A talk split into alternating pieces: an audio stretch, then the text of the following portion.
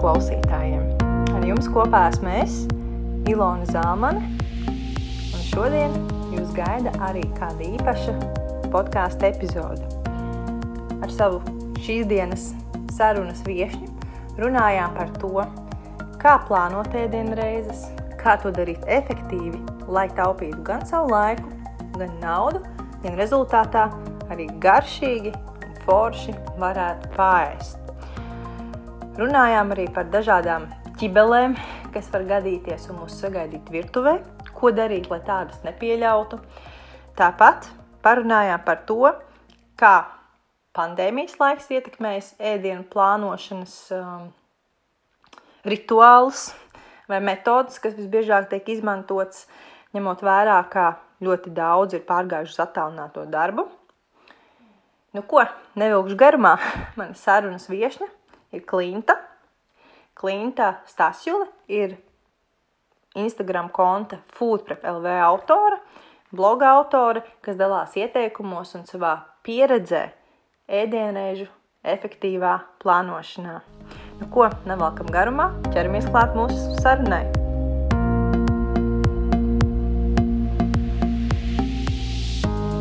Sveika, Klinta! Sveika! Nu, kopš mūsu pirmās sarunas tagad jau pagājis krietns laiciņš, vai ne? Jā. Kā tev šķiet pa šo laiku, ņemot vērā visus notikumus pasaulē un mums apkārt, kā tev šķiet, kas ir mainījies uzturi jautājumos, kas ir mainījies foodprep lietās, vai tas joprojām ir tikpat aktuāli, vai varbūt kaut kādas tendences ir pamainījušās? Jā, mūsu iepriekšējais podkāsts laikam bija pusotrs gads jau pagājis. Ja? Vai, jā. jā, tā kā noteikti visi pamanījuši, ka ir ierobežojuma laiks gadu bijis. Un uh, tas noteikti ir darījis savu daudzās, daudzu klausītāju dzīvēs.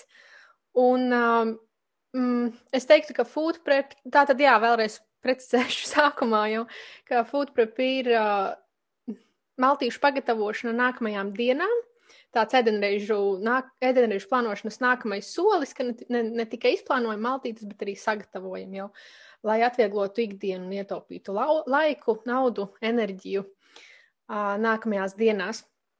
Tā tad, uh, jā, pirmajā epizodē, tā laikam bija devītā epizode, ja nemaldos, pastāstīju par to sīkāk.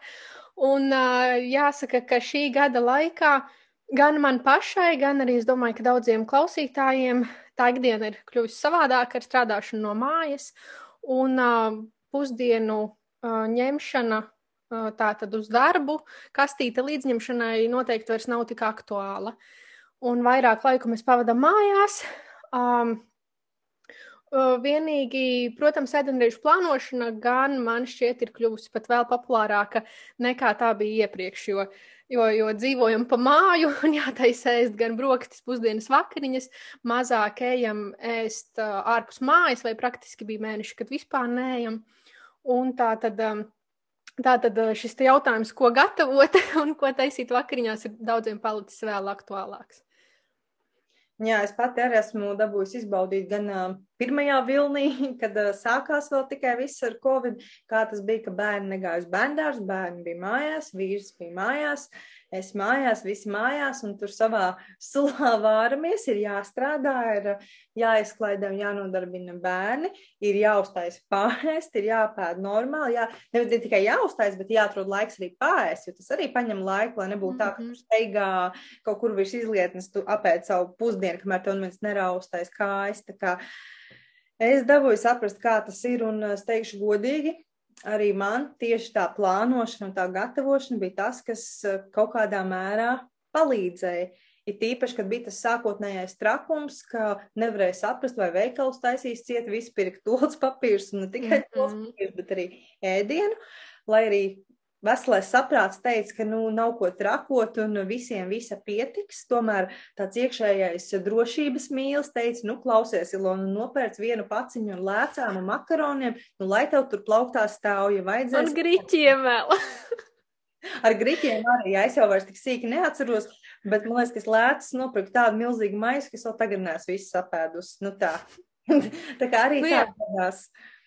Es īstenībā no savas puses varu pateikt, ka tad, kad sākās ierobežojumi tieši nu, pirms gada, tieši, tad uh, man, bija, man, bija, man bija savādāka pieeja. Es arī Instagramā stāstīju, ka uh, tā kā veikali saka, ka viņiem produkcija ir, ka nomierināties cilvēki, viņi vienkārši nespēja izpakot, ka tā bija tāda sacelta drāma tikai, tad uh, es arī popularizēju to viedokli, ka vispirms nomierinamies un izēdam visu to, kas mums ir mājās. Neskrienam uz veikalu un uh, tā tad uztaisam sev virtuvē inventarizāciju, kas mums ir leduskavī, kas mums ir um, virtuves plauktiņos un kas mums ir saldētavā.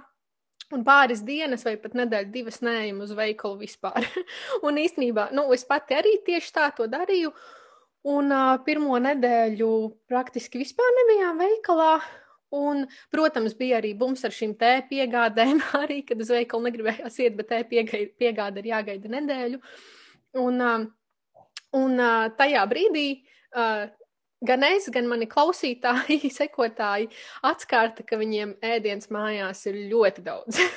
ir tās piecas makaronu pakas, ir, uh, ir jau viena lēcu paka pirms, uh, pirms pat nopirkšanas bija, un uh, saldēta var piestūķēt ar divu gadu labumiem, ogām, dārzeņiem, zivīm un, un gaļu. Tā ka vispirms tomēr bija jā, jāiztērē tās Tā kā jā, es aicināju visus un uh, pati centos iepirkties ļoti prātīgi, uh, nepirkt vairāk, kā man vajag, un uh, noteikti arī uztaisīt šo produktu inventarizāciju. Starp citu, man šķiet, ka tāda produktu inventarizācija tas nebūtu kaut kas tāds, ko veikt tikai tādos krīzes apstākļos, kā mēs bijām, bet tas ir kaut kas tāds, ko, manuprāt, būtu vērts darīt ik pa laikam, jo es arī salīdzinoši nesen Tu man iedvesmoji, vēl nokonsultēji par to, kam tad pievērst uzmanību, kā tos produktus uzglabāt un vēl visādas niansītas. Un es arī izgāju visam cauri, un es sapratu, ka mājās ir tik daudz ēdienu, tik daudz lietu, kas vai nu ļoti lēni tiek izmantotas, vai es esmu nopirkusi kaut kādā vājuma brīdī, un tā viņas mm. tur ir stāv, un es viņas neizmantoju. Un kā viens piemērs konkrēti, var pastāstīt, ja, uz ko arī es iekritu, kaut kad biju Rimītī, un es pamanīju, ka tur bija akai, vai es nezinu, kā pareizi zinu, akai ogu. Ogas, jā. Mhm. Pulveris, tā kā superfoods, jā, kā viņi sauc, un ne jau dēļ tā superfood, bet man likās, nu, jāpagaršo, kā tad tās ogas garšo, vai tad tur tiešām kaut kas tāds īpašs ir vai mm -hmm. nav. Es nopirku tur divas paciņas, tiešām izdevīga cena bija. Un, zini, tas bija pirms kaut kādiem pāris mēnešiem, un tā tās paciņas visu laiku stāv, un es viņas aizmirstu attaisīt, un aizmirstu tur kaut kur pieaugt kaut kādam jogurtam klāt. Un, Man liekas, tāds tipiskais piemērs. Es domāju, ka es neesmu vienīgā, kam tā gadās. Kā tev šķiet? Jā, un iedomājies, ja ierobežojumi nebija daudziem tas laiks, kad pārskatīt savus tos skapīšus, kad tad? Kā tādi cilvēki to beidzot izdarīs, jo mums ir tā vēlme, tā doma, ka mums ir jāpērk, jāpērk, jāpērk, bet kad tad mēs tērēsim? Nu, paldies Dievam, mums um, nav tādi sliktāki laiki uh, bijuši, un tas viss ir uzkrājies, bet, nu, man liekas, ka ierobežojumi bija tāds pēdējās desmit gades tāds uh, trakākais moments šajā ziņā, ka, nu, bija tas laiks tomēr iztērēt. Un, protams, arī runājot par finansēm, daudz zaudēja darbus, samazinājās ienākumi, tad, nu, šeit ir tas arī, uz ko mēs varam ietaupīt. Es varu padalīties, vienreiz biju vienā seminārā, un uh, tā doma tam semināram, virsraksts vai reklāma bija, ka kā mēneša laikā, uh, kā, teiksim, kā iztērēt tikai 10 eiro uh, pārtikas budžetam mēnesī. Un es jau ejot uz to lekciju, domāju, gan jau, ka tur ir kaut kas saistīts ar pārtikas krājumiem. un, protams, ka tā arī bija, jo ir īpaši, teiksim, ASV ir pat viņiem nu, mājās tādi pagrabi ar tādām rezervēm, ka, nu, tik velkot ārā tās rezerves un izmantojot, tad, nu, pat var iztērēt tikai 10 eiro mēnesī, nu, 10 dolārus, teiksim. Jā, no vienas puses saprotot cilvēku vēlmu turēt tos krājumus un uh, pieliekamo pilnu, lai visiem ir par rokām. Un lai arī es nevarētu teikt, ka uh, man dzīvē nācies piedzīvot, paldies Dievam, tādas apstākļus, ja ka tiešām nav ko ēst, mm -hmm. jādomā, kur kaut ko vispār dabūt. Bet uh, tik un tā man arī kaut kādā mērā patīk tā drošības sajūta, nu, tā pārticības sajūta, kad uh, labi, varbūt ne gluži viss, lai negāžās ārā no leduskapa, bet tomēr tu atver un tur redz, tev ir ēdiens, tu vari izvēlēties. Nav jāņem tā viena vienīgā lieta, kas tev ir pieejama, teiksim tā. Un līdzīgi arī pērkot produktus, var pastāstīt, nu, kas man pašai īstenībā krīt uz nerviem, mans paradums. Mm -hmm. Es pērku jaunu iepakojumu kaut kādiem produktiem, nu, piemēram, saulespuķu sēkliņas, piemērs. Ja? Es negaidu, kad viņas beigsies. Es jau laicīgi nopērku vienu vai divas pakas vietā ar domu, lai nebūtu tas mirklis, ka man viņas vispār nav, jo tad gan būs traki.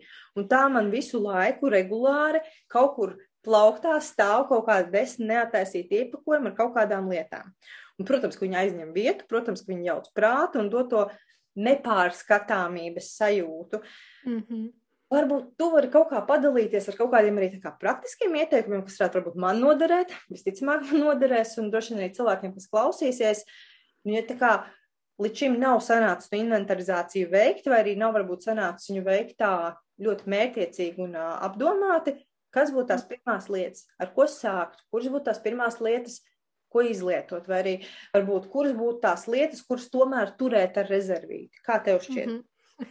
Es varu padalīties ar savu tādu, laikam, pirmo inventarizāciju, inventarizācijas pieredzi piespiedu kārtā, kad man iemetās kodas.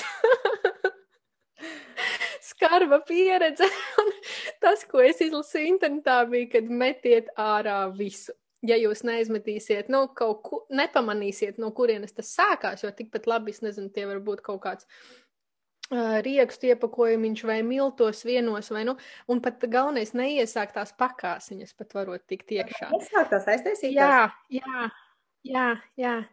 Tā kā tā bija mana skarbā pieredze, kad es sapratu, cik man daudz ir ēdiena mājās. Un man ir maza virtuve, man ir studio tipa dzīvoklis ar nelielu virtuvīti nelieliem skāpīšiem, bet tad, kad visu sāku vilkt ārā, tad likās, kas tik tur nav. Īsnībā pēc tā, kā tu teici, vēl es pakomentēšu, ka mm, tas tā savā ziņā jocīgi, jo es teiktu, ka padomu laiku cilvēkiem varbūt ir tāds, nu, kad agrāk bija uz taloniem viss un tā, bet ka mūsu paudzei. Man liekas, tā doma jau tomēr ir, teiksim, man ir trīs veikali septiņu minūšu gājienā, un nekad viņi nav bijuši tukši. Nu, no kurienes tas tā radies, vai tas pat tīri evolucionāri cilvēkam ir iekšā, kad jānodrošinās ar pārtiku. Bet nu, tāda, tāda tieksme ir, jā. Bet nu, tai pašā laikā. Jo ar citām lietām tā man nav drēbes. Es, piemēram, katru sezonu kārtoju, bez sirdsapziņas pārmetuma, bet, bet bez tādas nožēlas vai bez grūtībām. Uh, atdodu tālāk, vai atdodu kādam citam, vai pārstrādāju mm -hmm. kaut kādas vecas drēbes. Vispār nav tā, ka man gribētos turēt pilnu skapi, nu, lai tikai katram gadījumam, ja nu atgriežas. Nu, tā, visas pa māju novelkāšu. Jā, tā nedomāju. Māju. Es pat pa mājām vairāk visus vecos vīru kreklus, vienkārši metu ārā. Es domāju, kāpēc man pa mājām jāsteigā kā tādai, es nezinu. Es zinu, ka daudziem ir ar to mājās. Nu, šo vēl nemetīšu pa māju, un tad beigās ir. tā bija, bet man nav nekāds mājas, un viss, tā, kas ir tā vai nu svelku, vai arī es domāju, kam šī lieta varētu noderēt redzēt, ja viņa ir laba, ja nē, tad mm -hmm. viņa iet projām un vispār tā kā bez nekādām tādām uh, emocijām. emocijām. Bet ar uh, ēdienu man patīk tā sajūta. Man patīk, ka ja es izdomāšu, ko es gatavošu, tad uh, Viss man būs mājās. Pat ja ne visā, bet tādas pamatlietas, mm -hmm. ko es tiešām arī izmantoju, lielākoties viņas man būs pieejamas. Un kāpēc? Nu. Lai zinātnieki. Atgriežoties pie savā ko, kožas stāsta, tā tad jā, bija tā, ka es sapratu, ka ir jāmet pilnīgi viss ārā. Un, um, draugs tu, turēja atkritumu maisu lielo melno, un es apmēram no plauktiņiem visu metu ārā, un gandrīz vai asaras bija, un negribēju skatīties, un kā tu ieraugi kaut kādu tur. Pirmkārt, man liekas, man bija kādi septiņi iepakojumi ar makaroniem. Nu, pieci vismaz bija, septiņi, astoņi varbūt. Tad man bija dažādas tējas, kaut kādas krutās tējas, tur iepakojums viens, pieci vai septiņi eiro. Un, starp citu, arī tējās arī kodas lien iekšā. Tas viss arī ir jāmet ārā. Un, kad tu paskaiti tā, ok, šis iepakojums 5 eiro, šis 7 eiro, šo es tikko nopirku 10 eiro. Tās labi, tur makaronu paka 1 eiro, bet, nu, tas, tas tomēr Mm, vēlāk varam parunāt par um, atkritumu, nu, teiksim, atkritumiem, kas saistīti ar ēdienu. Tātad man personīgi nepatīk šī sajūta izmest, uh, izmest ēdienu, un it īpaši jau nu vēl neatvērtu paku, nesen nopirkt, un, un it īpaši, ja tā varbūt no makaronu paka pa vienu eiro, bet kaut kādas, kā tu teici, uh, arī trendīgās ogas, un, un tā, tāpēc tā atziņa, ko es ieguvu, Pirmkārt, ka mājās mēs turam, turam tomēr par daudz, jo mēs vispār ne, nezinām, kas mums ir. Ja mēs zinām, ka mums ir piecas makaronu pakas, un mēs tiešām bieži taisam makaronus, un bērniem garšo, vīram garšo, ok. Bet vai vajag septiņas, astoņas, tas ir jautājums. Uh, lai gan par īstenībā par makaroniem man vēl nebūtu iebildumu. Bet tas, ko es tev gribēju jautāt, ir, ja gadījumā pienāk šāda situācija, un iestājas ierobežojumi, tu netiec uz veikalu, veikalos ir izpirkti rīsa griķi makaroni, tad vai tev šīs ogas noderēs? nu. Ogas droši vien, ka man nenoderēs. Domāju, ja makaroni jau būs beigušies, tad tādas lietas kā grieķu jogurti un vēl vispārējais, kur iemaisīt šīs ogas, es domāju, ka būs jau pirmās aizgājušas. Tā kā, mm -hmm. Tieši mēs... tā, man liekas, tas atslēgas jautājums, runājot par plauktiņu inventarizāciju un teiksim, to apriti un ko iztērēt un ko atjaunot.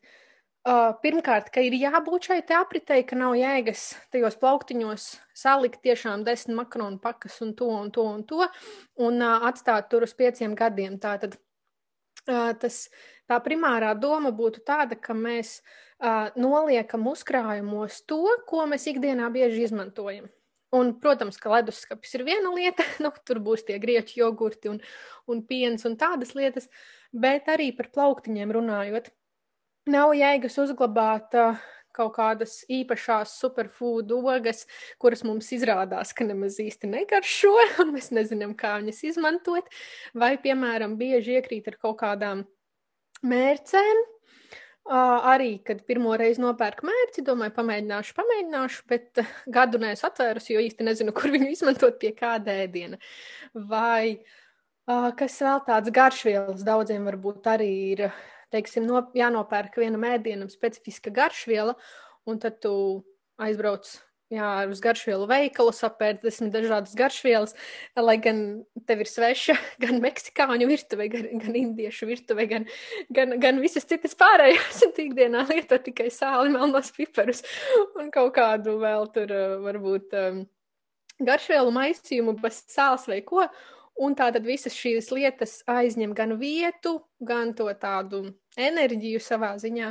Un, uh, Un, ja mums būs tā reize, kad mums tomēr kaut ko vajag, tad viss cits mums ir, bet to makaronu, ko varētu ar sieru ātri uztaisīt bērniem un vīram, tas mums plauktos varbūt tiešām ir beidzies. Tā tad pārskatīt, pārskatīt tos savus plauktiņus, iztīrīt, visu tiešām izņemt ārā, iztīrīt un tad saprast, kas tur ir, ko es īsti lietoju un varbūt kā nav ko es tiešām ikdienā ļoti daudz lietoju un kas noderētu. Piemēram, nosaru padalīties uzreiz ar praktiskām, ar, ar praktiskām lietām. Man ir tāds produktu uzkrājumu inventarizācijas saraksts savs, kur tiešām ir graudaugi. Tā tad, nu, man sadalīts daļās ir. Es, es nezinu, es pat varbūt kaut kā varu ielikt kaut kur nošērot. Man liekas, blogā Foodprepelv noteikti arī var atrast. Un, ja kas tad um, ja kādam sekotājiem ļoti interesē, var, var uzrakstīt. Piemēram, ir graudaugi, tātad milti, makaroni, rīsi, griķi, brokastu pārslas, un tad tur, nu, galatas tortillas vēl arī varbūt noder uzglabāt. Tad ir pākšaugi sausā formā, tad ir konservēti produkti, kas man reāli, piemēram, noder, ko mēs lietojam tīpaši rudens ziemas sezonā, kā pupiņas, turku zariņī, konservētus tomātus ļoti daudz izmantoju un uh, tuncis savā, savā sulā, un tādas praktiskas lietas, konkrēti produkti, kas man tiešām noder un ko es visu laiku rotēju. Un, teiksim, nu, mēnesī reizi es paņemu tur arī vienu, teiksim, tomātu burciņu, vai tos pašus konservētos tomātus, vai kas man vēl ir, nu, piemēram, kafija uzkrājumiem man ir, jo to arī tā būtu tā lieta, ko negribās, lai pēc trīs dienām beidzas un es netieku uz veikalu vai, vai, vai, vai vai kaut kādā ziņā jūtos ierobežota un ka man nav kafijas mājās. Mm -hmm. Bet, zini, es vēl gribēju te pajautāt par tām kodēm, par tavu kožu sānu, ko tu stāstīji. Teikšu, godīgi, es īsti nebiju dzirdējis, nu, tā kā vēl no citiem cilvēkiem šāds te notikums, tā kā priekš manis kaut kas diezgan unikāls un interesi raisošs. Protams, ir, es vairāk man bija saskarsme tieši ar apģērbu kodēm, drēbes kapi, un tur tā cīņa ir bijusi spraiga, bet, ja mēs runājam par virtuvi, turbūt var tā kā mazliet pastāstīt, nu, ko tās kodas īsti izdara, vai kāpēc tas ēdiens ir jāmet ārā. Varbūt kāds praktisks cilvēks teiks, ah, man būs papildus proteīns, novārīšu tos makaronus, nekāda vaina. Nu, kur ir tas stāsts, ko viņas tur mums slikti izdara? Oi, nē, es nemaz varbūt tik sīki nezinu, kā tu vēlējies, bet es noteikti nevēlējos ēst kaut ko, kur ir bijušas kodes. Un um, es tomēr runāju arī par ēdiena drošību, varbūt no nedaudz citiem aspektiem uh, savā blogā un Instagramā. Un uh, ēdiena drošība, manuprāt, tomēr ir tāds ļoti svarīgs faktors, jo viens ir ēst veselīgi, un tad ir tāda lielāka atkāpe, kas. Uh, uh, kas var būt, nu, nav tik, nav tik veselīgi vai nav tik uzturvielām, varbūt vitamīniem, minerālvielām bagāts, bet tad nākamais jau ir tā ēdiena drošība, kur mēs uh, gan negribam īsti pārkāpt, jo tādā veidā, nu, ko mēs ietaupīsim, varbūt tur vienu eiro vai cik, bet uh, ja mēs pēc tam uh, saslimstam uh, un teiksim, nu, kas tās biežākās problēmas var būt, tad temperatūra, slikta duša, vemšana, vēdrīzei un tā tālāk, tad, nu, ja tev jāguļ pēc tam divas dienas ar 40 grādu temperatūru, tad, nu, diez vai tas bija to vērts. Un, um, un jā, tā kā no kodēm es ļoti veiksmīgi atbrīvojos. Bet, nu, tiešām sanāca izmest visu, un redz, te ir tas risks, ja tu izmet tikai pusi, piemēram, nu, ka tev liekas, jau, jā, varbūt tur ir miltos vai, vai riekstos bija, vai kur tu izmet tikai dažus produktus, un viņas, um, jā, viņas turpina tur vairoties, tad, uh, nu, varbūt kāds, kāds neiebilst pret ēdienu, kurš kodas man nepaldies, un es citiem noteikti neiesaku. Un šis ir tas tomēr ātrākais un it kā pareizākais veids, kā, kā tikt vaļā. Un man arī tas ļoti veiksmīgi iz, izdevās. Un kā tu saki, kad interesanti tēma, tāda spontāna sanāca par tām kodēm. Es to, es padalījos nevis ar to Instagramā, bet es uh, padalījos ar saviem sekotājiem tādā privātākā ēpastu listē, ka ikdienas lietas atklāti bija laikam nosaukuši šim ēpastam. Uh, un īstenībā man kādi 20 cilvēki atbildēja uz to ēpastu. Es atceros, ka es nu, nosūtīju visiem vakarā, un no rīta man bija uh, daudz ziņu, kā ārprāts man arī bija, vai arī meitenes teica, teiksim, viņām mājās, nē, bet ir pat bijuši bijušas kodas ofisos, nu, kad ofisu tajās virtuvītēs biroju. Tā kā, tā kā jā, tie, kas, un man liekas, ka tieši uz pavasari īsnībā arī ir tas laiks, kad varbūt sākas vai, nu, tur jā, jā, jāplasa, jāplasa sīkāk tiem, ko interesē. Nu jā, katrā ziņā es droši vien ieklausīšos tevi, ja, nu, ļoti ceru, ka es nesaskaršos ar šādu te lietu savā virtuvē, bet ja nu tomēr, es ņemšu vērā tavu ieteikumu arī būšu diezgan skarba un, teiksim, tā no tiem produktiem atbrīvošos. Un, jā, tā kā droši vien priekš manis tā varbūt vairāk mācība, varbūt kādam citam arī noderēs, tāpēc pateikšu, priekš manis tā būs mācība neturēt tos krājumus tik ierobežots un sākt domāt, kā visu tā pa drusciņai realizēt, lai tomēr tie krājumi ir tādi mazāki, un ja nu tomēr, lai nav žēl, ka jāmet ārā, kā tu saki, jā, milzīgas mm -hmm. kaudas, un tiklīdz mēs to izsakam naudas izteiksmē, pēkšņi tā sirds iesāpās krietni vairāk nekā skatoties uz to neataisīto makaronu paku. Bet, um, nu, teikšu, kā ir ēdiens un ārā mešana, tā tāda diezgan sensitīva tā, lieta. Sensitīva lieta, un man pat tas teikt, ka diezgan sāpīga. Man ļoti nepatīk izmest ārā ēdienu. Mm -hmm. Agrāk tāda problēma, teiksim, tā bija ļoti maza, bet kopš mums mājās ir mazi bērni, ar kuriem ir tā kā ar bitēm, tu nekad nevari paredzēt. Vienu dienu viņi to vienu to pašu zupu ēd un saka, garšīgākā zupa, kādu viņi ir ēduši. Un tad ir nākamā reize, kad tu pagatavo tieši to pašu zupu ar domu, ka yes, viņi cilvēki pāēdīs. Pēkšņi viņi pasaka, brālis lielais pasaka, es tādu nēdu, mazā māsa piebalso un viss, un tu izstiepies vai saraujies, tu ej domā, ko vēl viņiem varētu pasniegt. Un tas ēdiens beigās ir tik daudz, ka mēs pat lielie nespējam visu apēst, un arī nevienmēr gribās ēst dubultā. Un tad ir tā izvēle, nu ko tad ar to ēdienu darīt? Ārā mēs roka neceļās, visu glabāt arī tā kā nevar. Kā mhm. šo jautājumu risināt, kā šo jautājumu optimizēt? Un kāda tev ir pieredze ar ēšanas, nevis ar ēšanas, bet ar ēdienu ārā mešanu un kādas sajūtas tev ir ais? Mm -hmm. Kā tu par to attiecies? Um, es ticu, nu, kā tu saki, saistībā ar bērniem tas noteikti ir daudz savādāk. Tas ir jau tāds nākamais līmenis, ko tu pēc tam drīzāk padarīji. Padalīsies, ko tu īsti dari. Jo no vienas puses tā, no otras puses tā, es varu pastāstīt par sevi. Man arī ir tāda ļoti nepatīkama sajūta. Man nepatīk mest ārā ēdienu. pirms kaut kāda neilga laiciņa tieši arī sociālajos tīklos uh, redzēju mm, live sarunu laikam, uh, kur uh, teica, nu, ka taču metiet visu ārā, nēdiet uh, tur tos bērna tā kā ēdienu atlikumus, bet te man liekas ir, nu, es neredzēju to visu video, man tā šķiet, ka tas bija, teiksim, kaloriju kontekstā un tieši svara zaudē, zaudēšanas kontekstā, teiksim, lai tā māmiņa, ja tā problēma situācija ir tāda, ka viņai liekais svars, lai apzinās to, ka pēdot savu porciju un vēl divu bērnu porcijas ir uh, tikai loģiski, ka svars nāk klāt, jo tās beigās sanāk, jā, divas porcijas. Bet uh, man tomēr tā doma nepatīk, ka, ka tik tik, tik brīvi mēs metam ēdienu ārā. Un es teiktu, ka tā ir diezgan pat samilzusi problēma, um, jo ko mēs darām? Mēs pērkam par daudz, tad atkal nonākam pie šī paša secinājuma. Teiksim, par paga pagatavotu ēdienu tas ir jau savādāk, jā, par to pēc brītiņa, bet uh, arī par šiem te krājumiem virtuvē, kad pilns leduskapis, bet mēs nezinām joprojām, kas tur īsti ir. Pilni virtuves plauktiņi, saldētava. Mēs tik pērkam, pērkam, pērkam, un tāds konsumerisms izteikts.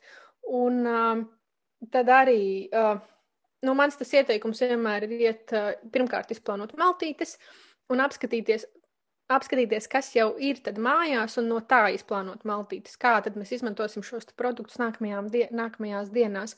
Un tad attiecīgi veidot iepirkumu sarakstu, un uh, katru šo lietu mēs nopērkam ar mērķi. Ja mēs nopērkam tās specifiskās garšvielas, mēs zinām, ka mēs šodien gatavosim to, uh, nezinu, tur kaut kādu meksikāņu sautējumu, nu, teiksim, meks meksikāņu gaumē, kur mēs tātad viņas izmantosim. Vai, ja, piemēram, nopērkam uh, pesto, tad, uh, nezinu, vienu, nu, vienā dienā mēs viņu izmantosim salātos, un, Un pēc tam nākamās maltītes jau plānojot, teiksim, izmantosim iemarinējot gaļu, to pašu pesto, vai ar makaroniem tā kā mērķi uztaisot. Un, nu, bišķiņ tā vairāk piedomāt, ko mēs pērkam, kur mēs to izmantojam.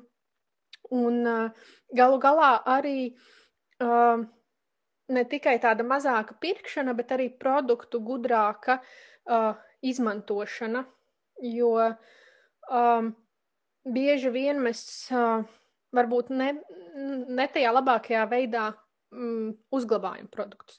Teiksim, daudz zinām, ka kartupeļus, sīpolus var uzglabāt ārpus leduskapja. Uh, te es varu pakomentēt vēl, ka, piemēram, tomātiem, banāniem un avokado ir labāk, lai viņi stāv ārpus leduskapja līdz tādai nogatavošanās pakāpei, kuru mēs gribam sasniegt. Un tad var ielikt leduskapī, lai apturētu to nogatavošanās procesu. Uh, tad, uh, piemēram, daudzi varbūt nezina, jā, kad uh, maizi var droši saldēt, tos pašus banānus droši var saldēt. Īsumā saldēt var ļoti, ļoti daudz ko. Uh, jā, par šo es runāju online kursā savā, varam pieskarties vēlāk. Jā, tā kā ir, ir arī jāpiedomā, kā mēs šos nopirktos produktus uzglabājam un kā to efektīvāk izdarīt. Piemēram, uh, zaļumus, vai, nu, teiksim, salātlapas. Ja es nomazgāju un sagatavoju nākamajām dienām, tādai ātrākai izmantošanai, es paklāju virtuves dvieļa loksnītē apakšā kastītē, jo tad viņa uzsūks to lieko mitrumu un lapas mazāk sabojāsies. Un, protams, ja ir kaut kāda, kāda lapiņa jau tāda mitra un nelāga izskatās, tad to izņem ārā, lai tā lapiņa nesabojā uh, blakus esošās. Savukārt, piemēram, uh, burkānus. Burkānus uzglabāju, uh, ja es viņus jau, teiksim, plānoju izmantot nākamajā dienā vai aiznākamajā, tad es nomazgāju un ielieku burciņā ar ūdeni vai kastītē ar ūdeni, un tādā veidā viņi nesažūst tik ātri.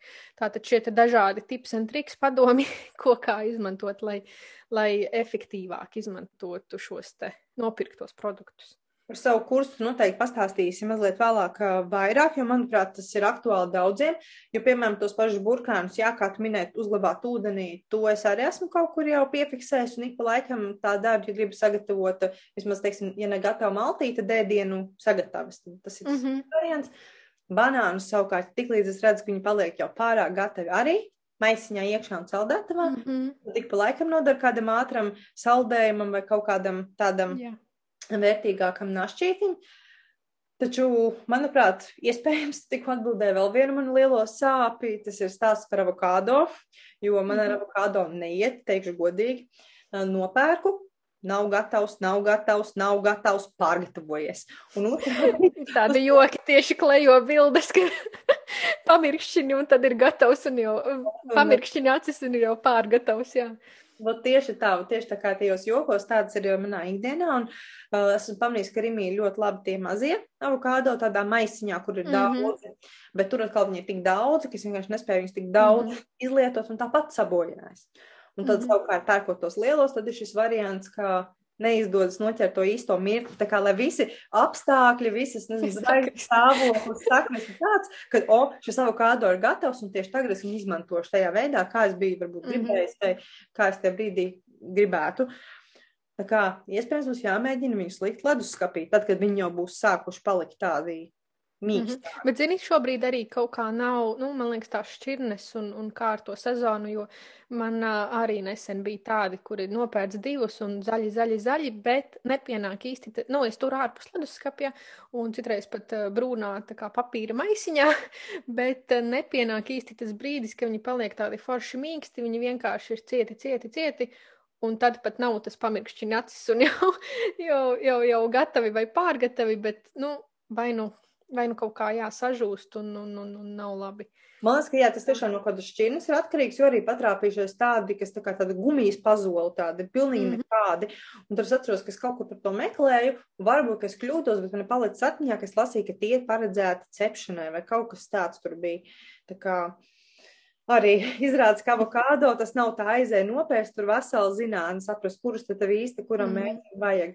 Bet eh, tu minēji, tu tur arī maisiņā papīra. Kāpēc tā? Ko tas palīdz avokado uzglabāšanai?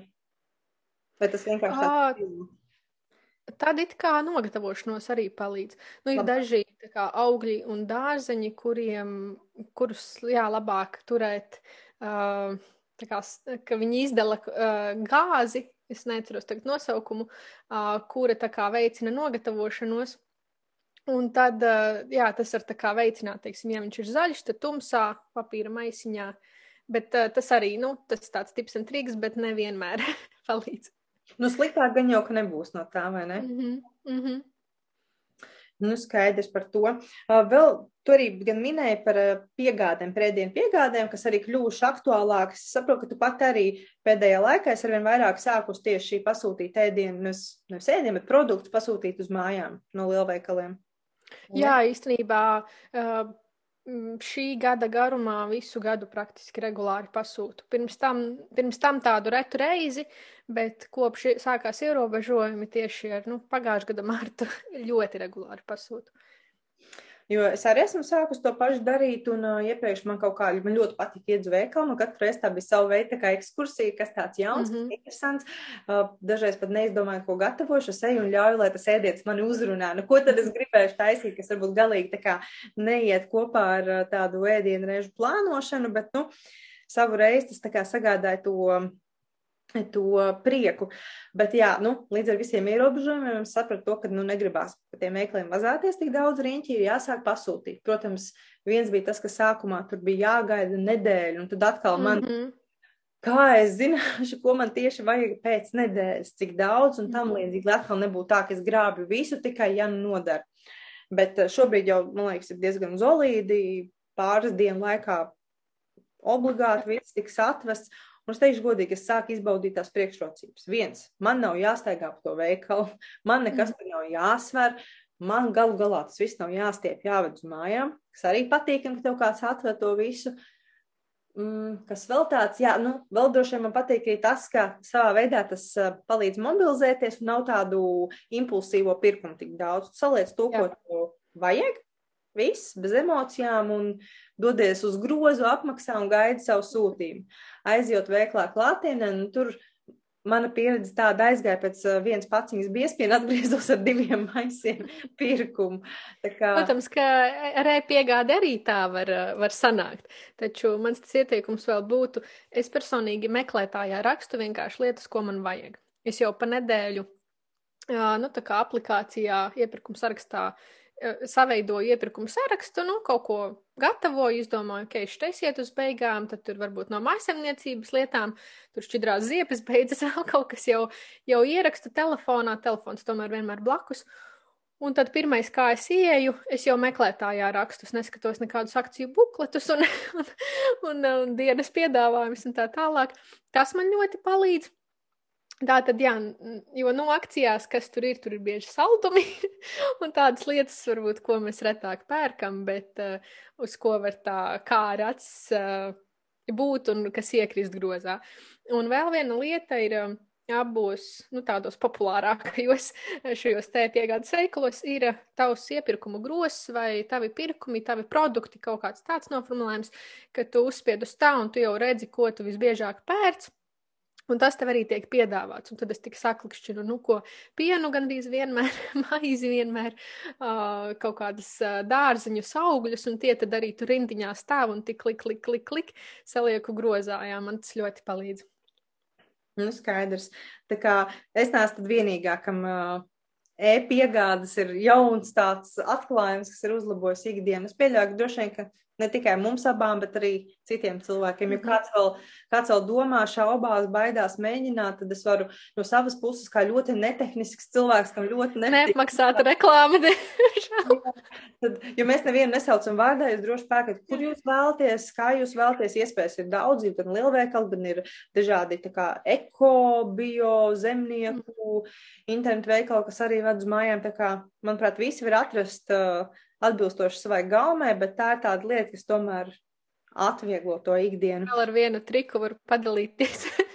Piemēram, kā tu teici, nu, kad plānojot nedēļai, kad nu, gribas sakraut arī to grozu pilnu, un tad, eh, nu, kā var zināt, ko man tur pēc četrām, piecām dienām vajadzēs. Es personīgi joprojām, ja arī nefūtu prepoju, tas ir nesagatavoju uh, gatavas maltītes trīs dienām, tad es, uh, protams, plānoju ēdienreizes tik un tā, bet personīgi man Ēdienreizu plānošana vislabāk strādā tām trim, četrām dienām. Tā arī nav nedēļa vai divas, jo, nu, ja tu dzīvo lauku mājā, reizi nedēļā vai divās brauc uz veikalu, tas ir loģiski, un arī tu, nu, tev tas liekas atbilstoši variants. Bet tiešām tuvu centram dzīvojot ar trīs veikaliem, septiņu minūšu uh, gājienā, uh, tomēr uh, es saskatu no vienas puses tie, to sēdienriešu plānošanas ieguvumus, no otras puses ir šis te uh, ka, lai tik nepu, nu, ne, ka es nevēlos nopirkt par daudz, un nevēlos arī izmest ēdienu. Un tā ikdiena, tomēr, lai arī ir vēl ierobežojumi, tomēr ir mazliet arī mainīga.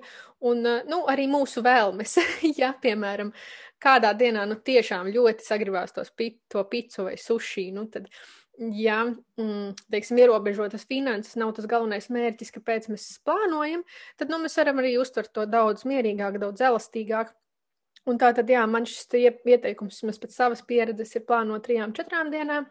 Un tāds uh, padoms saistībā ar šiem piegādes veikaliem ir, ka es, teiksim, uh, nopērku nu, to grozu vienu, lai piegādātu rītdien, un tad jau salieku grozu arī pēc kaut kādām četrām, piecām dienām. Un, ja viņu apmaksā, tad šobrīd arī var tā, ka viņu papildināt līdz tai, nāk, līdz tai uh, tai dienai, kad viņu vedīs gandrīz. Līdz ar to, ja, piemēram, um, nu jā, rītdien man atvedīs, un tad es esmu salikusi, piemēram, grozu uz piekdienu, sestdienu, svētdienu, un, uh, un apmaksājusi pa 20 eiro tādām elementārām lietām, elementārām precēm, ko es noteikti ņemšu, tur augļi, dārziņi, zaļumi, piens varbūt, tad es jebkurā brīdī vēl varu papildināt to grozu. Tā kā tas man liekas ir ļoti ērti. Jā, šī ir laba funkcija. Tur es tev piekrītu. Ar viņu pirms kādu laiku pamanīju, jo man regulāri gadījies tā, ka it kā arī līdzīgi kā tu saki, telefonā piezīme, kuras piefiksē visu, kas ir mājās beidzies, salieku grozu, apmaksāju, viss izdarīts. Un pēc piecām minūtēm, protams, atceros, ka es aizmirsu ielikt kaķiem barību, kuru vispār ir beigusies un nav variantu. Mm -hmm. Un tad ir tā, ka, nu, labi, tad man ir jābrauc uz veikalu, un tad es aizbraucu uz veikalu, un kā es tev to stāstīju, kā man mēdz gadīties, ka nopērku ne tikai kaķbarību, bet nopērku vēl kaut ko. Nu, protams, ne jau vienmēr mm es tā pārspīlēju, nav arī tik traki ar mani, bet uh, tā tas gadās, un tad tā funkcija, ka var papildināt grozu, tā ir tiešām manuprāt. Jā, vēl es citreiz, piemēram, salieku tikai grozu, bet, eh, nu, paskatos tos piegādes laikus, ka ir vēl ok, kad es varu dabūt eh, rīt vai parīt, nevis pēc četrām dienām. Tad es arī vēl kādu vienu dienu atstāju to grozu tā kā neapmaksātu, ja nu es arī vēl pa vienu dienu kaut ko izdomāšu, ko pielikt klāt. Mhm. Tā kā šī, manuprāt, ir diezgan uh, laba doma. Uh, bet, zini, mēs te vēl tā runājām, tu daudz par makaroniem stāsti, un kad makaronas mājās jātur nē, jāēd, un tad es vienkārši tā uzreiz iedomājos tā tipiski stereotipiskā domāšana, kas ik pa laikam ir uh, bijusi, nu, kad makaroni tie ir tie sliktie, un makaronos ir milti, un makaronos vēl ir kaut kas slikts, un cilvēki varbūt klausās un domā, ko tās divas tur runā, ko viņas vispār par uzturu zina vai saprot. Par veselīgu uzturu un par makaroniem. Kā tad tas ir saistīts? Tieši tā, un uh, varbūt uh, mazliet, lai tā kā dotu plašāk to bildi un to varbūt saprast, mēs varam mazliet arī parunāt par tādiem uztura pamatprincipiem, ko gan tu, gan iespējams arī es, mēs abas izmantojam savā ikdienā, lai plānot, lai tas uzturs, lai tā kopējā bilde veidojas pietiekami sabalansēta, pilnvērtīga, un arī tie makaroni ideāli tajā ierakstās, kā tāds viens puzles gabaliņš, nevis paši par sevi ārpus visas konteksta. Varbūt pastāst, tad, Kas ir tās lietas, ko tu ikdienā šobrīd centies ņemt vērā, plānojot savas maltītes? Mm -hmm. nu, man liekas, tāds uh, viens no um, elementārākajām lietām un saprotamākajām arī klausītājiem, tie, kas ir jau dzirdējuši, un varbūt arī nav, ir tāds uh, šķīvja princips, pēc kā veidot maltītes, pēc kā plānot maltītes. Uh, ko tas nozīmē? Tas nozīmē, ka pusi no šķīvja aizņem dārzeņi, vienu ceturdaļu aizņem ogļu produkti. Te papildināšu uzreiz, ko tas vārds ogļu nozīmē, ja kāds klausītājs neorientējas. Tātad tas būtu uh, graudaugi, kartupeļi, vēl paplašinot tātad makaroni, griķi, rīsi, um, maize, dažādas tur tortillas, galetes, um, arī pākšaugi tai skaitā. Uh, un tad, attiecīgi, atlikusī viena ceturdaļa no šķīvja pēc proporcijām, tad būtu obaltumvielu avoti, un obaltumvielu avoti mums ir liesa gaļa, uh, piena produkti, zivis, pākšaugi, uh, kas vēl, dažādi jūras produkti, piemēram, garneles. Nu jā, tāds, tāds ieskats neliels. Tofu arī, teiksim, nu šie te, tā kā augu izcelsmes produkti. Un tad, protams, ir vēl mazliet jāatvēl viela vieta taukiem, tas būtu šķīvja centrā, vai, nu, īstenībā jau taukvielas bieži vien ir mm, kādā no šiem minētajiem produktiem un atrodas jau uz šķīve, teiksim, vai nu tā gaļa ir treknāka, vai nu tas nav vājpiena biespiens, bet 5%, 9% biespiens uz šķīve, vai nu tā ir kāda treknāka zivs kā lasis, vai mēs esam jau pagatavojuši dārziņu salātus ar olīveļu. Tā tad vai nu at, atrodas tauki, taukvielas jau bieži vien produktos iekšā, vai nu mēs izmantojam jau gatavošanas laikā. Uh, Jā, tā tad vai nu salāti ar olīveļu, vai nu to gaļiņu jau apcepām, apcepām olīveļā, vai krāsnī kaut vai kartupeļi bija ar olīveļu un, un tam līdzīgi. Tātad šis ir tas viens princips noteikti, ko es uh, arī pie kā cenšos piedomāt un arī savus klausītājus uh, cenšos uh, iedvesmot uh, tādā veidā plānot maltītes. Un tad uh, vēlos arī popularizēt uh, dārzeņu ogu augļu ēšanu, gan ar šo šķīvju principu, gan arī ar tādu saukli, viens auglis dienā. Tas ir domāts, ka nevis uh, tikai viens un vairāk nedrīkst, bet uh, vismaz viens. Nu, nav arī jāpārspīlē, tad būtu viens, divi, trīs, teiksim. Uh, bet uh, reti, kas īstenībā apēd vismaz to vienu augli, vienu, divus augļus dienā. Un tā arī būtu tāda ļoti vienkārša lieta, pie kā piedomāt, plānojot maltītes. Un nav pat jādomā gramos, kilogramos, var vienkārši gabalos, piemēram, iepērkoties, ja mēs pērkamies, nezinu, četrām dienām, tātad, nu, vai nu četrus sābolus nopirkt, vai, ja mēs esam ģimenē vairāki, tad, nu, četri āboli, četri bumbieri, četri apelsīni, un tad, tad attiecīgi, jā, katram dažāds auglis nākamās trīs dienas. Un, Nu, tad mazliet arī varbūt jāizprot šis porciju princips, kas tad būtu, cik būtu pietiekami dārziņi. Dienā tie būtu aptuveni 400-500 grami, bet uh, mazliet pat nomierināšu klausītājus, jo tas nav tā, ka mums būtu tagad puskilograms uh, svaigu salātlapu un dārzeņu jāpēd. Mm, šajo, šai, šī daudzumā ietilpst arī konservētie, ietilpst arī saldētie. Un tā tad jau tas pats viens auglis arī ietilpst, un tas īsnībā nebūtu nav nemaz vairs tik daudz. Tātad katrā ēdienreizē īstenībā atcerēties par dārziņiem, augļiem, ogām. Jā, par tiem augļiem izsmēl diezgan labi, ka tu atgādināji, jo man liekas, pēdējā laikā augļiem tas viņu PR tēls ir mazliet pabojāts un uh, ik pa laikam es tā dzirdu no cilvēkiem, nu, ka augļus nevarēs vakarā, augļus nevarēs tajā laikā, šajā laikā augļos ir daudz cukurs, un augļi ir tie mazliet sliktie. tā kā, mhm. manuprāt, ļoti vērtīgi savu reizi atgādināt to, ka augļi jau nu pavisam noteikti nav tas sliktākais, ko apēst, mm varbūt savu reizi. Um, kāda našķa vietā vai deserta vietā, labs nogatavināts mango, piemēram, manuprāt, būs ļoti labs saldums, un pie tam saturēs arī gana daudz visādas vērtīgas lietas, nekā varbūt, ja mēs paņemsim tur to batoniņu vai kaut ko nebūtu no tā veikala plaukt. Lai gan arī tam batoniņam savu reizi atradīsies vieta. vieta jā. nu, te arī redz, ir jādomā par tiem produktiem nevis tā izolēti, kā mēs runājām, makaroni, makaroni, maize, maize un auglis, bet, teiksim, ja tie ir pilngraudu makaroni, tātad tiem noteikti ir vieta uz šķīvja, bet te ir jādomā arī par tām piedevām, ja tie ir parastie baltie kviešu makaroni, milzīga porcija ar sieru, trekno sieru sacepti uz pannas eļļā, nu tad tā maltīte nebūs vairs sabalansēta. Bet, daudz ja ievēr... kečupu. Jā, daudz, un majonēzes. un, un cīsiņi vēl blakus. Tātad par katru produktu, kad, kad, kad tā runā, ir jāsaprot, nu, par ko mēs konkrēti runājam un ko mēs iesakām. Jā, jo, jo arī nu, tā pati maize var būt baltmaizes eh, šķēles, no kā mēs pārtiekam visu dienu ievārījumu maizītes vai arī treknes iera maizītes un, un uzdaram kolu, bet, bet tā var būt um, uh, rudzu miltu maizes šķēle ar, teiksim, avokādo virsū.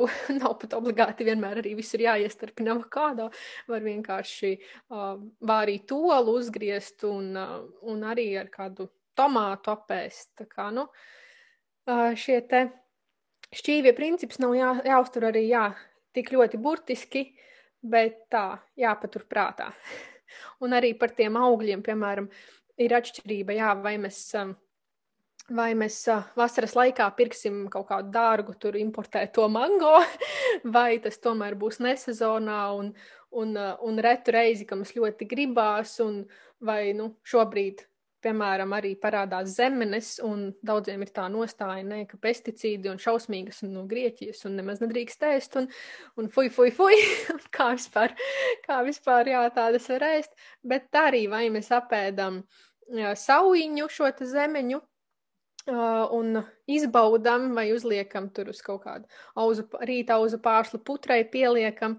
Un, un tas prieks, ko tās pirmās zemenes dara, dod, ir, ir tiešām tāds, tāds, tāds jauks notikums par, par pavasara, vasaras iestā, iestāšanos liecina. Vai arī mēs uzreiz, kā ir pirmās zemenes, pasūtam 5 kg kasti, un tad nu, šovakar noēdīsimies riktīgi. Nu, tāda tā doma.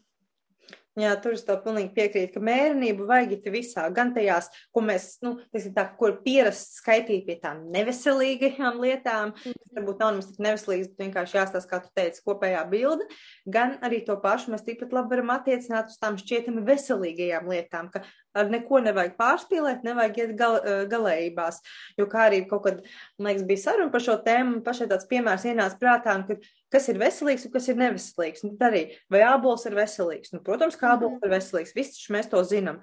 Bet kā ir tajā gadījumā, ja tas ir vienīgais, ko tu ēd, ja tu apēd brokastīs mm ābolu pusdienās un vakariņās, tad pēkšņi tas ābols vairāk tik veselīgs nemaz neliekās. Un tieši tāpat ar kaut kādu, es negribu minēt kaut kādus zīmolus, brandus, bet, piemēram, šokolādes batoniņu. Ja? Ja tu mm -hmm. apēdi no rīta un apēdi vakarā vēl vienu tādu, varbūt tomēr būs par daudz, bet ja tu apēdi pie kafijas vienu mazu gabaliņu izbaudi un tev tiešām ir prieks, un tu pēc tam vispārējo nedēļu vispār par tiem saldumiem pat var nedomāt, tad mm -hmm. šajā reizē, tad, manuprāt, tas saldums būs tā kā Nagla, jā, es citreiz jā. arī nedaudz aizstāvu varbūt proteīna batoniņus, nu, olbaltumu, paaugstināt olbaltumielu saturu batoniņus. Jo, nu, protams, ka es domāju, tie, kas uh, man seko vai ieies manā profilā, uzreiz sapratīs, ka es esmu par pilnvērtīgām maltītēm, sabalansētām mājās gatavotām un, un uh, uh, tā teikt, nu, pilnvērtīgiem produktiem, taču šis proteīna batoniņš vai ļoti retu reizi proteīna pulveris, kas pielikts pie auzu pārslu putras tikai ar tādu mērķi papildināt tajā dienā olbaltumvielu daudzumu. Ja ir konkrēts mērķis, piemēram, kā muskuļu masas palielināšana, tad arī tas attiecīgajā kontekstā ir pilnīgi normāli un kā tāds alternatīvs variants, jo uh, teiksim, ikdienā nepieciešamo olbaltumvielu daudzumu mēs uz saviem 50, 60 kg ļoti vienkārši varam nodrošināt ar parastiem produktiem, tām pašām olām, biespienu, lēcām, tofu un tā tālāk. Taču, piemēram, ja vīrietim ir jā, 80 kg un mērķis vēl palielināt muskuļu masu, nu, tad tas proteīna pulveris vienā ēdienreizē dienā vai trijās ēdienreizēs nedēļā mazliet pievienots uh, tikai veicinās šo mērķu sasniegšanu, un tā tad attiecīgajā kontekstā tas noteikti ir arī lietojams. Un runājot tieši par proteīnu batoniņiem, arī šis saldumiņš, ko tas rada, un uh, pie kafijas, jā, tāda panašķošanās, uh, tas tomēr ir arī tāds kompromiss starp varbūt um, tādu sev aizliekšanu, sev atļaušanu un, un normālām attiecībām ar ēdienu. Un, un nevis, nevis domāšanu, ko izslēgt, bet ko iekļaut un kā papildināt to savu uzturu arī tā, ka mēs varam to izbaudīt. Kad ir garšīgi, ir forši, mēs esam pāēduši, olbaltumvielu daudzums sniedz vairāk sācu sajūtu, un tad arī vairs negribās to otru batoniņu vai, vai varbūt šokolādi negribās pēc tam trīs dienas nemaz. Šis, manuprāt, ir ļoti labs punkts, ko tu pateici. Manuprāt, to varētu ierāmēt un pielikt kaut kur pie sienas. Katrs atgādinājumam par to, ka mazāk laika veltīt tām lietām, kā sevi ierobežot, kā sev kaut ko neļaut, aizgri, aizliegt savu par sliktu un neveselīgu un vēl nezinu kādu. Bet tā vietā vienkārši fokusēties uz to, ko tad ēst, kas būs tas labais, kas būs tas garšīgais. Un visas mm -hmm. tās pārējās lietas, manuprāt, tajā brīdī automātiski dabīgi ieņems savu tādu Pareizo. Jā, jo arī pie tās auzu, nu, teiksim, brokastu auzu pārslu putras ļoti foršs ēdiens. Tā kā tā auzu pārslu putra, nu, tie, kam nav bērnības traumas ar, ar putrām. Man, piemēram, ļoti garšo, bet, nu, ja mēs skatāmies nu, atkal šī te šķīvja principa un sabalansētas maltītes, tad, nu, tās auzu pārslas ir ogļkrātu avots. Nu, nedaudz tur ir arī olbaltumvielas, bet, bet, kā es teicu, ir jāskatās attiecīgi, attiecīgi no mērķa un cik cik mēs dienā vēlamies uzņemt šīs tobaltumvielas. Un, protams, jāpievieno kāda sauja ogu, tad būtu. Es, es arī bieži vien izmantoju, ja tīpaši, protams, rudens ziemas sezonā saldētas ogas, jo tas ir ļoti vienkārši un, un šīs saldētās ogas nemaz nav zaudējušas uzturvērtību, kā arī varbūt citiem šķiet. Um, Un redz, nu, tas olbaltumvielu, tā, tā viena ceturdaļa, lai maltītē būtu. Protams, ka ir tāds arī ieteikums, ka var uh, iemaisīt olu baltumu. Man liekas, ka tu Ilona tāda arī nē. Nē, es tādu Iemais... tā negašo. Kāds cits tādu droši vien.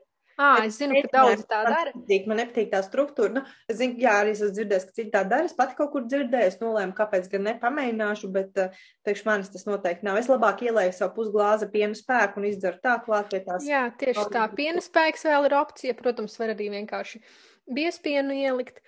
Tā kā, nu, to variantu ir dažādi, bet nu, man liekas, ka ir, ir forši, ka ir daudz alternatīvu, un tad mēs varam izvēlēties katru dienu savādāk, un uh, lai tas uzturs nav apnicīgs, garlaicīgs. Un, un, uh, un, jā, noteikti es gribētu arī um, šo te tādu mm, priekšstatu nepareizo apgāst par food prepu, ka tas ir, uh, ka mēs ēdam 3, 4, 5 dienas pilnīgi vienu un to pašu, un jā, gatavojam nedēļai pirmdienu līdz piekdienu un ēdam vienu to pašu.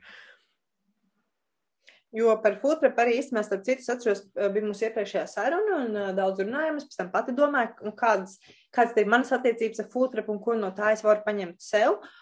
Un arī tā izvērtējot, es sapratu, nu, ka man noteikti nedara tas variants, ka es izplānoju visu strikti veselē nedēļai, sapērku un vēl varbūt pat sagatavoju. Nu, man tas nedara. Man patīk, ka ir bijusi, kā tu arī minēji, ka tā rūme improvizācijai, mm -hmm. vai tā mhm. rūme savam suši un pizzai piekdienas vakarā, ja nu uznāk tāda vēlme. Kā, ka tas variants man nedara. Un bieži vien sapratu to, kā kura mēdienam ir ēdiena, kur man ļoti patīk. Otrajā un trešajā dienā tie ir zupas, sautējumi, plovi. Mm -hmm. Bet ir kaut kāda cita ēdiena, kas man vienkārši tiešām nepatīk. Nu, es nezinu, kaut kas, kaut kas tajā produktā, man liekas, ka viņš vairs nav svaigs, viņam ir zudus tā foršā mhm. faktūra, piemēram, tur salāti vairs nav tik raukšķīgi, vai tur vēl kaut kas, nu, vienkārši nav manā gaumē. Un tad es saprotu, ka nav jau obligāti jāiet uz tiem simt procentiem, nav jau jādara. Tā, viss. varbūt, tas, varbūt tas priekšstats ir tā, ka es eju uz tiem simt procentiem, bet tā nebūtu, tā, tā nav. Tā nav, es to stāstu, ka tā nav.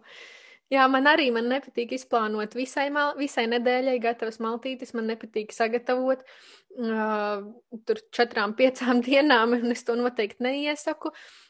Uh, Tā tad gan pirmkārt gatavot to, ko jūs gribat ēst, jo lai cik tas būtu veselīgi, ja pēc tam jums nebūs uh, kāre to ēst, un tad kur nu, ja nebūs pirmajā dienā kāre, kāre ēst, kur nu vēl otrajā un trešajā dienā. Tad tas ir jāņem vērā, un arī, um, teiksim, ar šo te ēdienu, ēdiena atkritumiem, tad, nu, priekš kam nopirkt superveselīgus produktus, pagatavot viņus, ieguldīt savu laiku un enerģiju, un pēc tam izdomāt, ka nav īsti garšīgi, ir veselīgi, bet nav garšīgi, bet tur tie dārzeņi arī paliek tajā leduskapī, jo, jo pagatavot, un pēc tam tik un tā viņus ir jāizmet.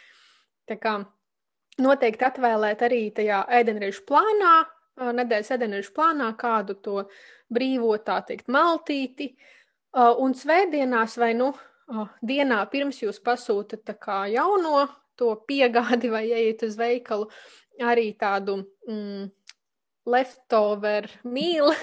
Uh, Latvijasiski ne, neizklausās labi šis vārds, tā kā atkli, at, atlikumi, kas ir leduskapī palikuši, bet tur parasti kaut kādi vēl šis tas no visa ir, un tad var uztaisīt tādu tā kā Buda bļodu, nu, kad saliek visu kopā, uh, kas nu ir leduskapī, to nu saliek bļodā. Un uh, man liekas, te arī ir bišķiņ jāpadomā par to tieši to terminu. Es nevaru izdomāt citu vārdu kā latviski atlikumi, jo tas galīgi nes. Pārpalikumi, pārpalikumi arī, zin kā, pārpalikumi asociējas ar to, kas paliek uz šķīvi un ko neviens negrib ēst. Bet leftover angliski bišķiņ labāk izklausās. un arī, ja mēs tomēr pārliekam to ēdienu, uh, uzliekam uz šķīvi tik, cik mēs ēdīsim, un uh, pārējais paliek skaisti kastītē, vai pat pārliekam tīrā kastītē un uzglabājam leduskapī. Tas arī man šķiet, ka ļoti daudz ko jau dod, lai tas ēdiens, mm, kaut arī viņš ir to vienu dienu vai divas vai pat trīs, varbūt dažreiz nostāvējis, bet viņš nav, tas ēdiens nav nepatīkams. Uh, nu, pēc, arī pēc skata, teiksim, ja mēs paņemam to kastīti un viņai tur malas ir jau netīras, un tur vēl nezinu, bijis ielikts krējums iekšā, un, un tādu mēs cenšamies uzglabāt. Tā tas īsti arī nav pareizi.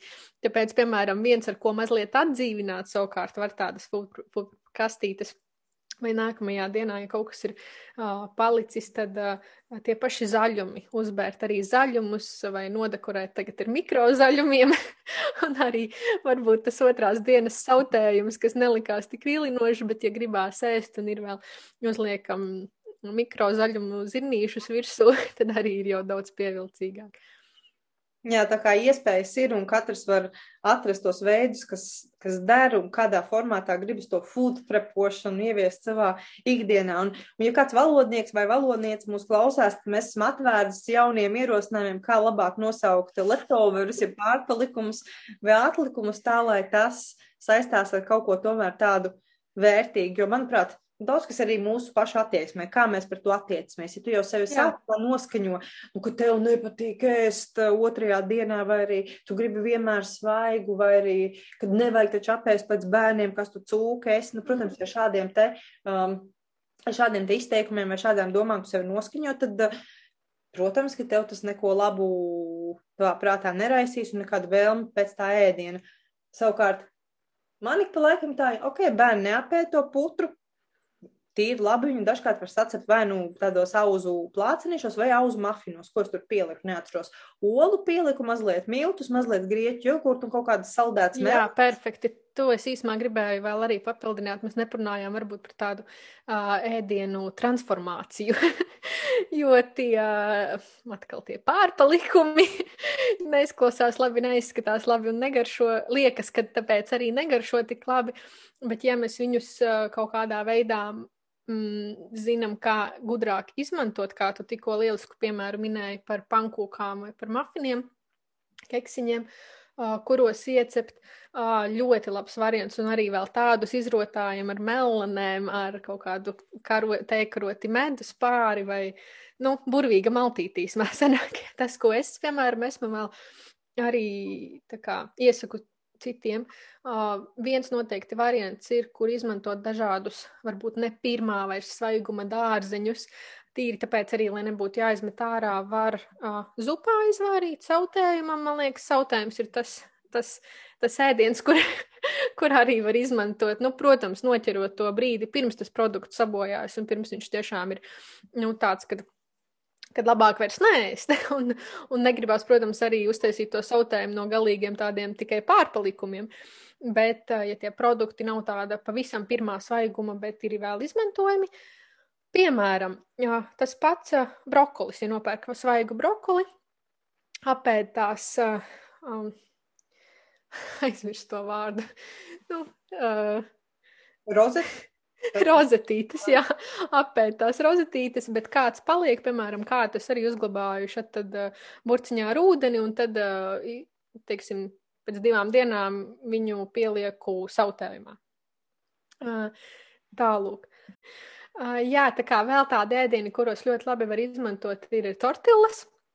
Arī var salikt vienkārši salātus, salātlapas, un tur kāds čerī tomāts ir aizķēries leduskapī, mazliet varbūt siera, kas arī varbūt jau tur maliņa ir, nav tā varbūt uh, svaigākā, tad arī var sarīvēt un ielikt tortillā. Un, uh, jā, jā. Un kas vēl tāds, uh, ko tu parasti pati izmanto vai iesaki savās grupās, kursos, ko tu organizē? Vēl, piemēram, es esmu pati uh, no biezzupas uh, nākamajai dienā taisījusi mērci, nu, teiksim, šī te transformācija, kad bija biezzupa, un, nē, īstenībā pat sākumā ir uh, krāsnī sacepts ķirbis, un uh, krāsnī, nu, tur sacepts arī ķiplociņš un kartupeļi. Ēdam tāpat, uh, tāpat uz šķīve šos te uh, krāsnī ceptos dārziņus, tad nākamajā dienā uh, bija nedaudz atlikuši kartupeļi, burkāni un ķirbis, sablenderēju visu biezupā ar nedaudz kokosriekstu pienu, un tad aiznākamajā dienā, nu tā biezupa tur pišķiņ palikusi, ko lai dara, ko lai dara, un tad makaroniem izmantoju kā mērci. Tāds viens variants, tad ir vēl tāds padoms arī, kā visādus galiņus un miziņas, piemēram, sīpolu mizas e, izmantot, kaut kādu zaļumu. Tas jau būs ļoti aktuāli. Visi, kas būs sīpolu mizas krājuši, oh, jā. krājuši varēs tik krāsot olas uz nebēdu. Nu, tagad visi krāso solis, jā, bet, bet e, tad, kad nav, nav šis lieldienu laiks, tad var arī šīs te sīpolu mizas saldētavā sakrāt ar dažādiem mm, zaļumu atgriezumiem, ar burkānu mizām. Nu, protams, jāskatās lai tie burkāni ir nomazgāti, lai tur viss nav smilšains, bet var uh, pagatavot buļļonu mājās, izvārīt. Un vēl viens, man liekas, tāds ļoti foršs uh, padoms, ko es pati jau gadu, divus, man liekas, piekopju, ka pērkot maizi, nu, šķēlēs ir tie galiņi arī maizes atgriezumi. Un tos tad arī parasti tā, neviens neķer pēc viņiem. Un tad es uh, ielieku saldētavā. Man īstenībā šobrīd ir ļoti daudz. Uh, un tad šos, šo, šo te maizīti kaut kad izņemu ārā, sagriežu kubiciņos un vai nu apgrauzdēju izmantoju kā grauzdiņu zupai, vai arī otrs variants ir tāda recepte. Uh, Našķoties zanai, sliņķu sacepums var iegūglēt. Kā jau zanai, tur, protams, ir diezgan ar, ar siera kārtu un ar krējumu pamatīgu, bet mazliet šo recepti padarot tādu liesāku un izmantojot kvalitatīvu, uh, kvalitatīvas, teiksim, mednieku desiņas, man liekas, tur ir mednieku desiņas, uh, pieliekot brokoļus, burkānus, sanāk ļoti forša tāda uh, viena trauka maltīte, kurai īstenībā vajag maz, maz līdzekļus, maz produktus un izmantot var šīs te maizīšu atgriezumus un, un sanāk tāda, jā, garda, gardas vakariņas. Tā sajūta rodas klausoties, kad uh, food preps un vispār tāda ēdienu liederīga izmantošana, tas tāds, ja gribas to attieksmi tādu pozitīvu, tad tas tāds ļoti radošs process, tas uh, paver plašas iespējas, tas dod iespēju eksperimentiem. Manuprāt, tas arī dod iespējas iesaistīt uh, bērnus tajā procesā gatavošanas un vispārējā -hmm. virtuves darbu, jo Viena lieta, ko esmu sapratusi, maniem bērniem ļoti patīk darboties virtuvē. Tas droši vien ir tāpēc, ka jau no pašas mazotnes es viņiem diezgan brīvi to ļauju darīt. Un, jā, protams, vienmēr tas rezultējas kaut kādā šmucē arī, kaut kas tiek apgāsts, kaut ko nevar sadalīt.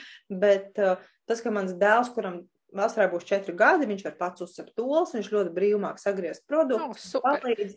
Un meitai ir divi gadi, un viņa arī ļoti labprāt iesaistās un rīvē un visu, ko nu mazais cilvēks spēj. Un, kā, uh, manuprāt, arī tādās futrupu izdarībās un uh, ēdiena kaut kādā tādā optimizācijā droši var iesaistīt bērnus, ja pašam idejas trūkst. Bērniem, manuprāt, mm -hmm. ir idejas, ko varētu sajaukt kopā un ko varētu uztaisīt, un dažkārt liekas neiedomājami, beigās pat sanāk tīri garšīgi. Tā tieši tā, ir vismaz tā eksperimentēšana ir tāda. Es, uh, es varu godīgi teikt, es nedomāju, ka es gatavoju labi, un man liekas, ka ir arī pierādījumi tam, ka es negatavoju labi. Nu, tā kā man nepatīk īsti dalīties ar savām receptēm, idejām. Un, un, kā es saku, es dalos ar idejām un ar tādu iedvesmu citiem, bet um, neteikšu, ka mans varbūt ēdiens ir tas garšīgākais. Un uh, tikai tādai arī iedvesmai priekš citiem, kuri klausās, bet uh, domā, ka, ka viņi īsti nav tādi improvizētāji virtuvē vai, vai, vai nav īsti tādi pavāri. Tad uh, es arī gatavoju pēdējos nu, pāris gadus tikai, Un, teiksim, tad, kad vēl mācījos universitātes pirmajos kursos, nepratu gatavot neko. Un, nezinu, es pat atceros, kā man uh, mamma vienreiz stāstīja, kā zupu gatavot, un ir visādi arī kuriozi bijuši, ka es tur pirmajās reizēs, teiksim, vārot makaronu zupu, nu, ielieku makaronus pienu vāru un domāju, kāpēc tas piens piedeg.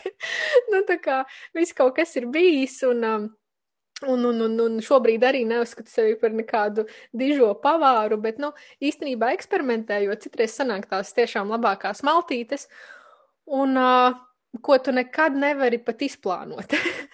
nu, tā kā atrast nekādas tur receptes, un citreiz, man, piemēram, ir tāds iespējas, ka citreiz pēc receptēm sanāk vēl švakāk, un turklāt tas aizņem daudz laiku, lai tu izlasītu visu to recepti un tā konkrēti vadītos, nekā uz tāda improvizācijas viļņa, tu tomēr seko savām sajūtām, kādi tev produkti garšo. Un tad, ja tā recepte nu, tev galvā ir diezgan vienkārša, ka tu saliksi produktus, kas tev garšo kopā uz tā šķīvi, tad īstenībā arī maltīte būs tīri laba.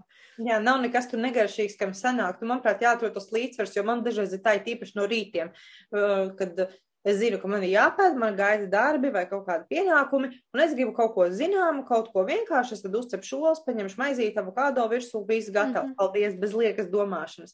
Bet tagad citreiz ir kaut kāds nesteidzīgs vakars, kad uh, bats nedzen uz priekšu ātrāk, ātrāk kaut ko uzmēsturot, un, un bērni nedlabprāt iesaistās, tad kā reize forši paimprovizēt un ļaut sev vaļu. Tas, manuprāt, kaut kā tā izkrāso un atsvaidzina dzīvi. Nu, pat ja mēs nerunājam tieši par ēdienu, kā tādu, mm -hmm. vispār kopumā, it īpaši, ka šobrīd mēs jau sākām runājam par visiem ierobežojumiem, tā tālāk, nu, ka doties nevar apēst ārpus mājām normāli, nevar aizceļot brīvi, arī nevar, nu, tik daudz visa, kā it kā ir liekts, bet kaut kādus tādus mazus dzīves, ikdienas tādus, nezinu, prieciņus vai kaut kādas tādas mm -hmm. krāsas, nu, tās jau nu gan mēs varam ieviest, un, manuprāt, šis ir viens tāds ļoti labs veids.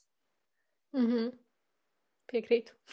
Tā kā, jā, bet uh, Klintu, tu vairākas reizes pieminēji par uh, kursiem, kas uh, tev ir, tā online kurs, ko tas izveidojis, un es atceros arī mēs pirms pusotra gada runājām, un tad tu vēl teici, ka tas bija tāds ieceres stadijā, tad tas vēl nebija mm -hmm. tāds publiski pieejams, un pasties, uh, kāpēc arī man ļoti gribējās ar tevi parunāt, jo man liekas interesanti, ka ne tikai manā dzīvē vai manu klausītāju dzīvē visas lietas iet uz priekšu, bet arī ar cilvēkiem, ar kuriem esmu runājis pirms laika, arī daudz kas mainījies, daudz kas interesants ir noticies. Uh, visādi jauni sasniegumi, pavērsieni un tā tālāk. Un uh, tu esi ļoti labs piemērs. Tad varbūt uh, pastāst par to kursu, kā tu beigās no tās ieceras tiešām tika līdz tam rezultātam un par ko tas kurs ir un kam viņš varētu noderēt.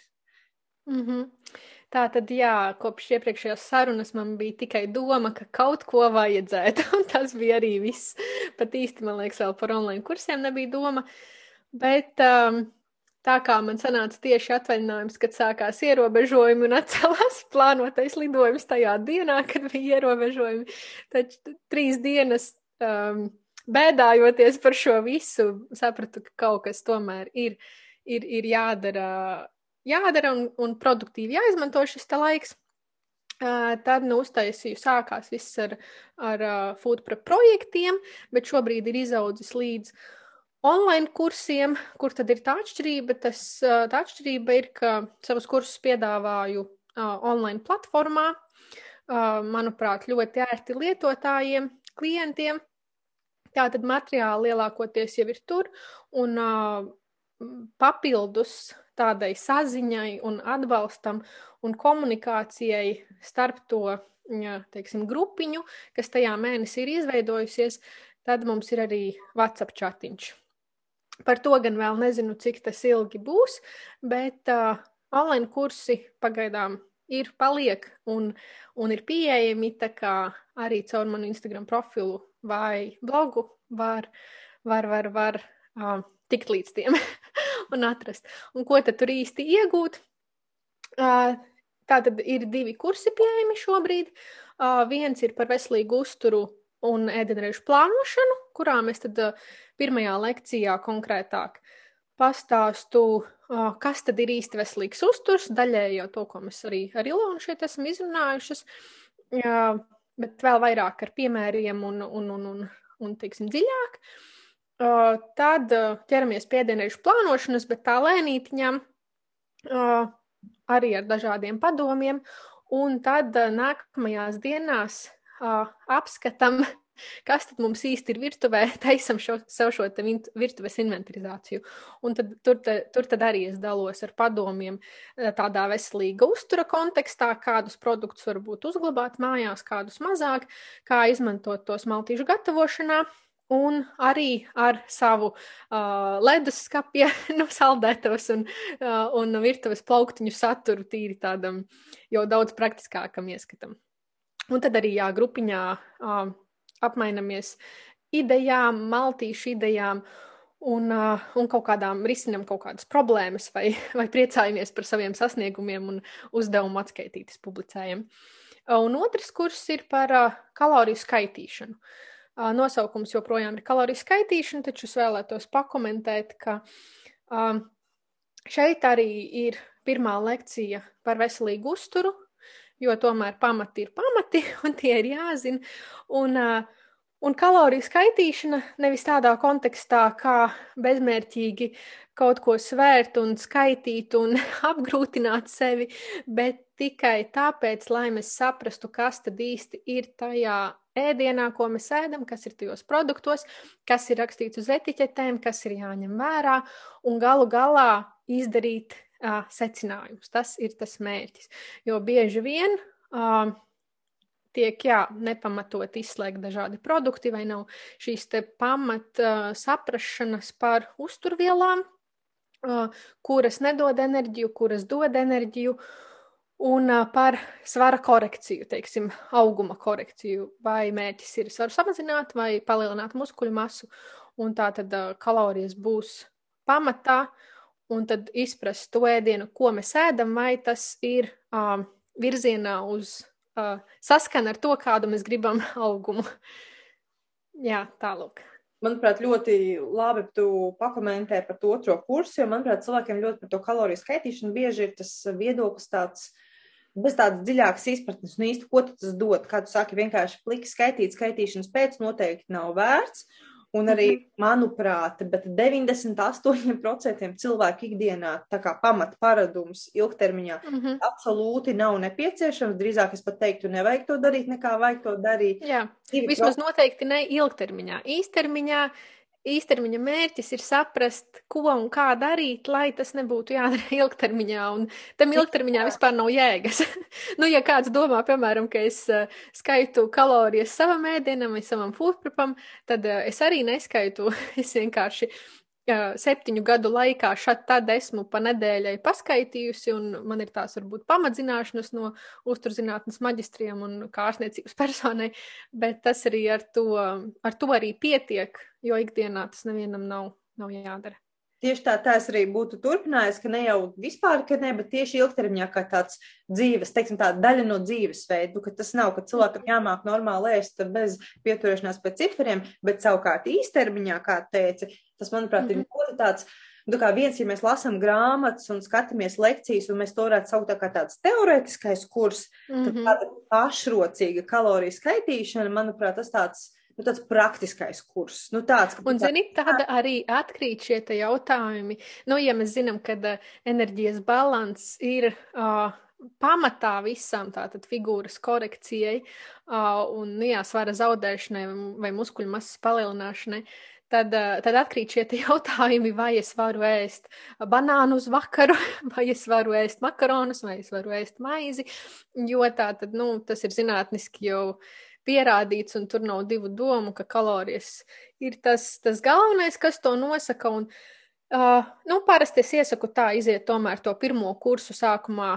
Mm, saprast, nu, teiksim, atkārtot, saprast, kas tad ir īsti veselīgs uzturs, uh, sākt ar ēdienežu plānošanu, Un, uh, un tad tālāk, ja ir interese virzīties vēl dziļāk, skatīties, kas tur tam lācītim vēdā, ko mēs īsti liekam uz šķīvi, un kas tur tie pa cipariem ir, kas ir oglekļāta obaltumvielas tauki, cik mums dienā sanāk, ko tas nozīmē, kā tas iespaido mūsu pašsajūtu un, uh, un teiksim, svaru, jā, izskatu, un, un, un tad attiecīgi izdarīt secinājumus. Varbūt mēs ēdam citreiz tiešām par maz, un tāpēc arī ir šīs te noraušanās un nu, tātad visu šo jēzgobu diētām.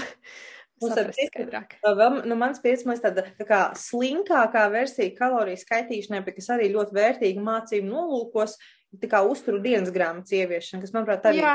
ļoti labi strādā. Kaut vai vienkārši pierakstīt vai nofotografēt, manuprāt, ļoti ērti telefonā salikt kopā. Un dažreiz mums arī kā saka, liekas, ka es taču ēdu tik maz, vai es taču ēdu tik daudz, vai kāpēc man visu laiku gribās ēst, es taču tikko jau pārēdu. Bet, tā, kad tu visu noliec sev acu priekšā un tiešām redzi to kopbildi, nu, tad arī tos secinājumus var izdarīt. Un tad bieži tas, kas mums liekas, īstenībā galīgi neatbilst uh, realitātei. Un šis tāds variants, ok, tas varbūt nebūs tik precīzi, bet tāpat laikā, ja tu zini, ka tev nav laiks tur svērt un viss tā ņemšanās, tā ir tā kā tāda alternatīva, ko arī var izmēģināt. Jā, noteikti, noteikti. Jo mēs jau pirmā kursa ietvaros. Uh, um, teiksim, skatāmies uz to šo šķīvja principu, un ar to jau ir daudz kas arī skaidrs.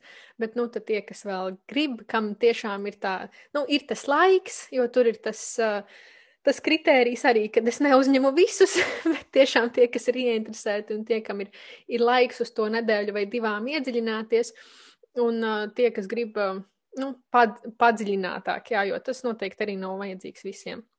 Un Jā. varbūt arī it īpaši tiem, kam varbūt tiešām ir trīs bērni, ģimene un uh, darbs un mājasēmniecība un tā, bet savukārt, ja teiksim 25 uh, gadu vecumā tev klausītājs ir kāds, kurš, kurš, kurš, uh, kurš vēlas palielināt muskuļu masu vai savukārt mazliet notievēt, jā, lai saprastu, kā strādā īsti tievēšana un kas tad ir tās kalorijas un kas tās drēbes mazina vai palielina.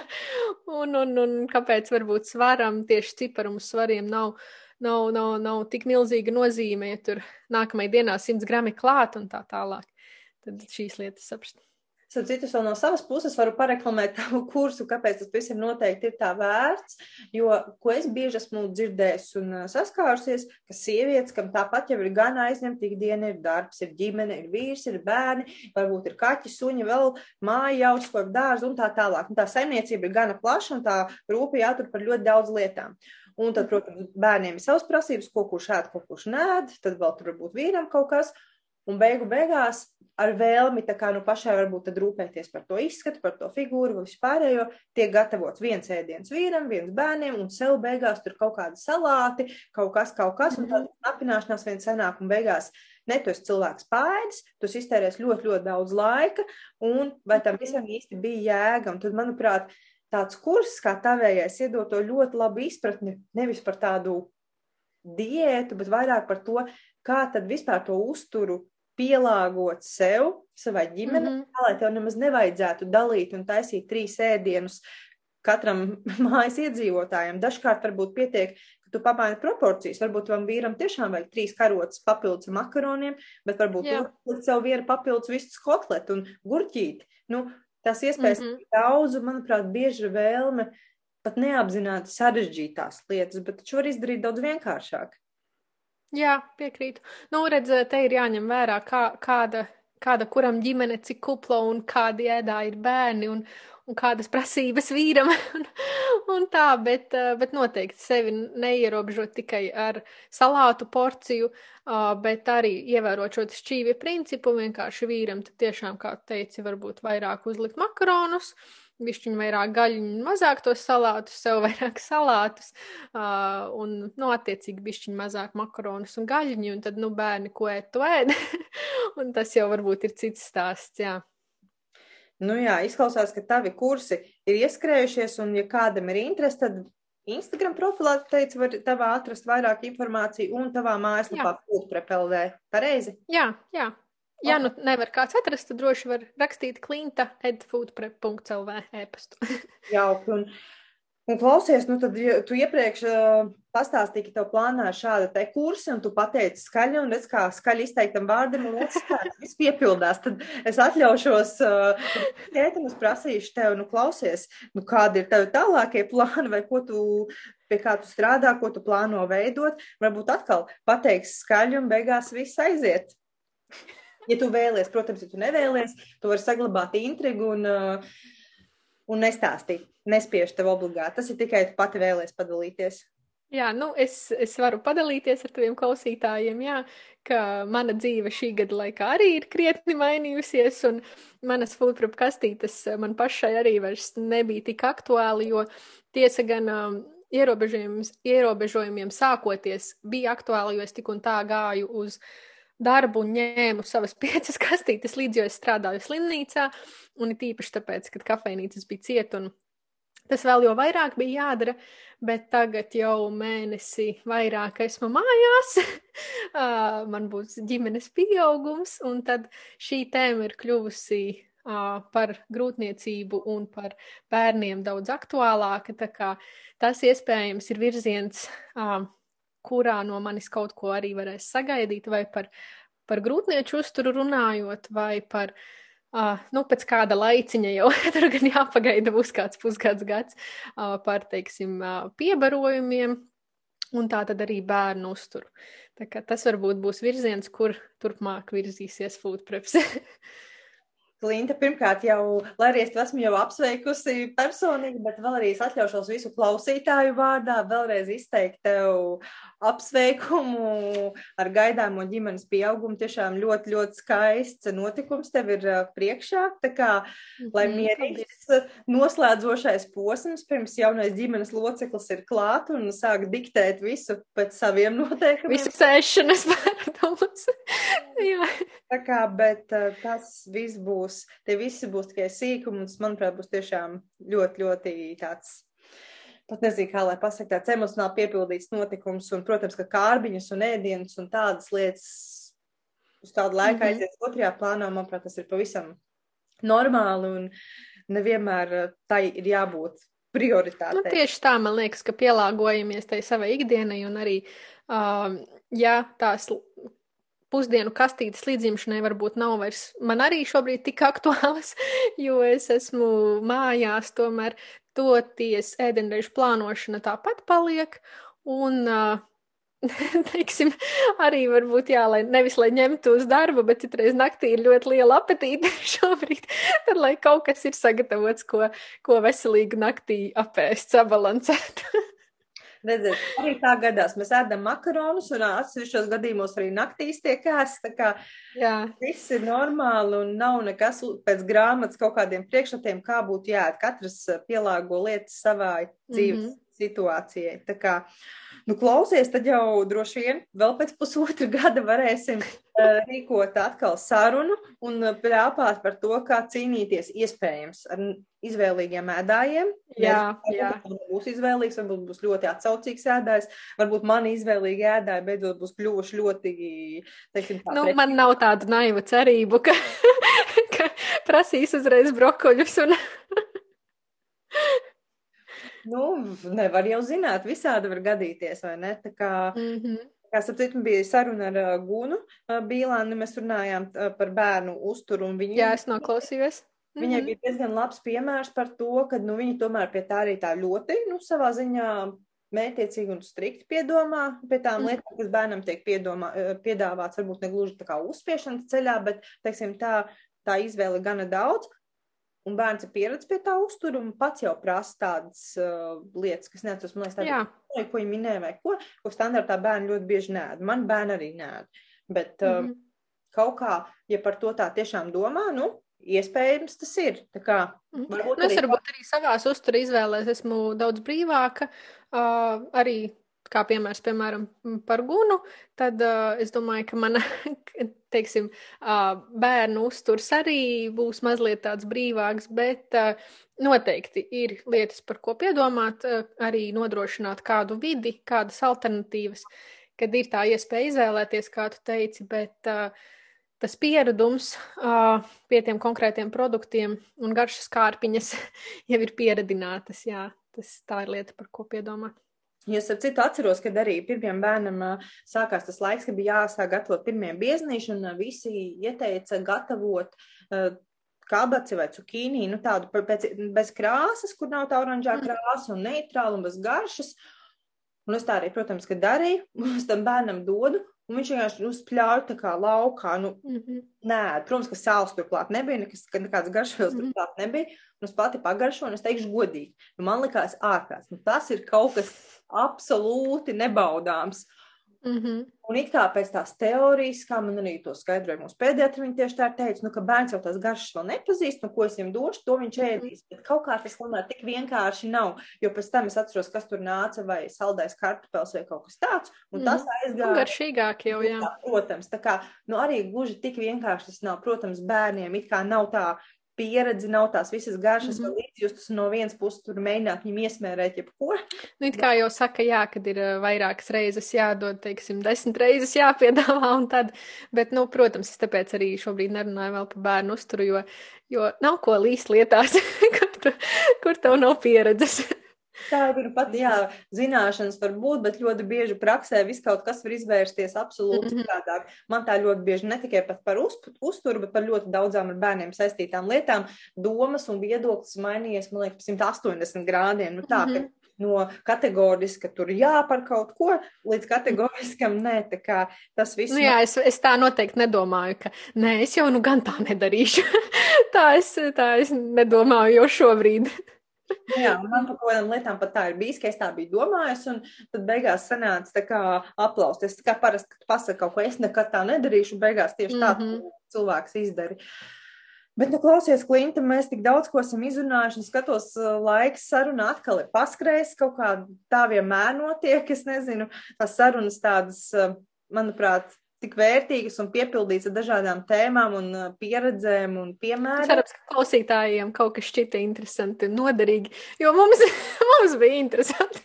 Mums bija interesanti. Mēs labprāt turpināsim. Noteikti mēs arī parunāsim vēl aiz izslēgtiem mikrofoniem kaut kad. Bet... Jā, īsumā šī pusotra gada laikā mēs esam labas draudzenes jau kļuvušas. Jā, tā kā podkāsts, manuprāt, uh, manuprāt, ir ne tikai tas, ko es dodu klausītājiem, tas pat ļoti daudz ko esmu iegūst, ļoti daudz mhm. vērtīgus, mm -hmm. ne pat nevērtīgus, kā lai, kā lai pasaka, teiksim tā, ļoti jaukus uh, cilvēkus, kas piešķir vērtību papildus arī manā ikdienā, manā darbā, manā dzīvē un vispār. Tā kā par to esmu ļoti pateicīga podkāstam. Nu, ko, Klimta, paldies tev milzīgs par tavu laiku, par tavām zināšanām, par pieredzi, par praktiskajiem ieteikumiem, kur bija, manuprāt, ļoti daudz. Tā kā pat bez visiem online kursiem, ja viena vēlēšanās var sākt darīt jau tagad un tuliņ, aiziet iz, mm -hmm. inventarizāciju savā virtuvē, bet, ja ir vēlme uzzināt kaut ko vairāk un jau detalizētāk pieiet šim procesam, marš uz Food Prep LV lapu, tur visa informācija būs. Mm -hmm. Atsveicināšu šodien! Jā, kā no mūsu puses sakam visiem tā, un tev arī, Klinta, liels paldies, un lai tev mierīgs šis gaidīšanas laiks. Mm, paldies, tev, Ilona, paldies klausītājiem! Tā!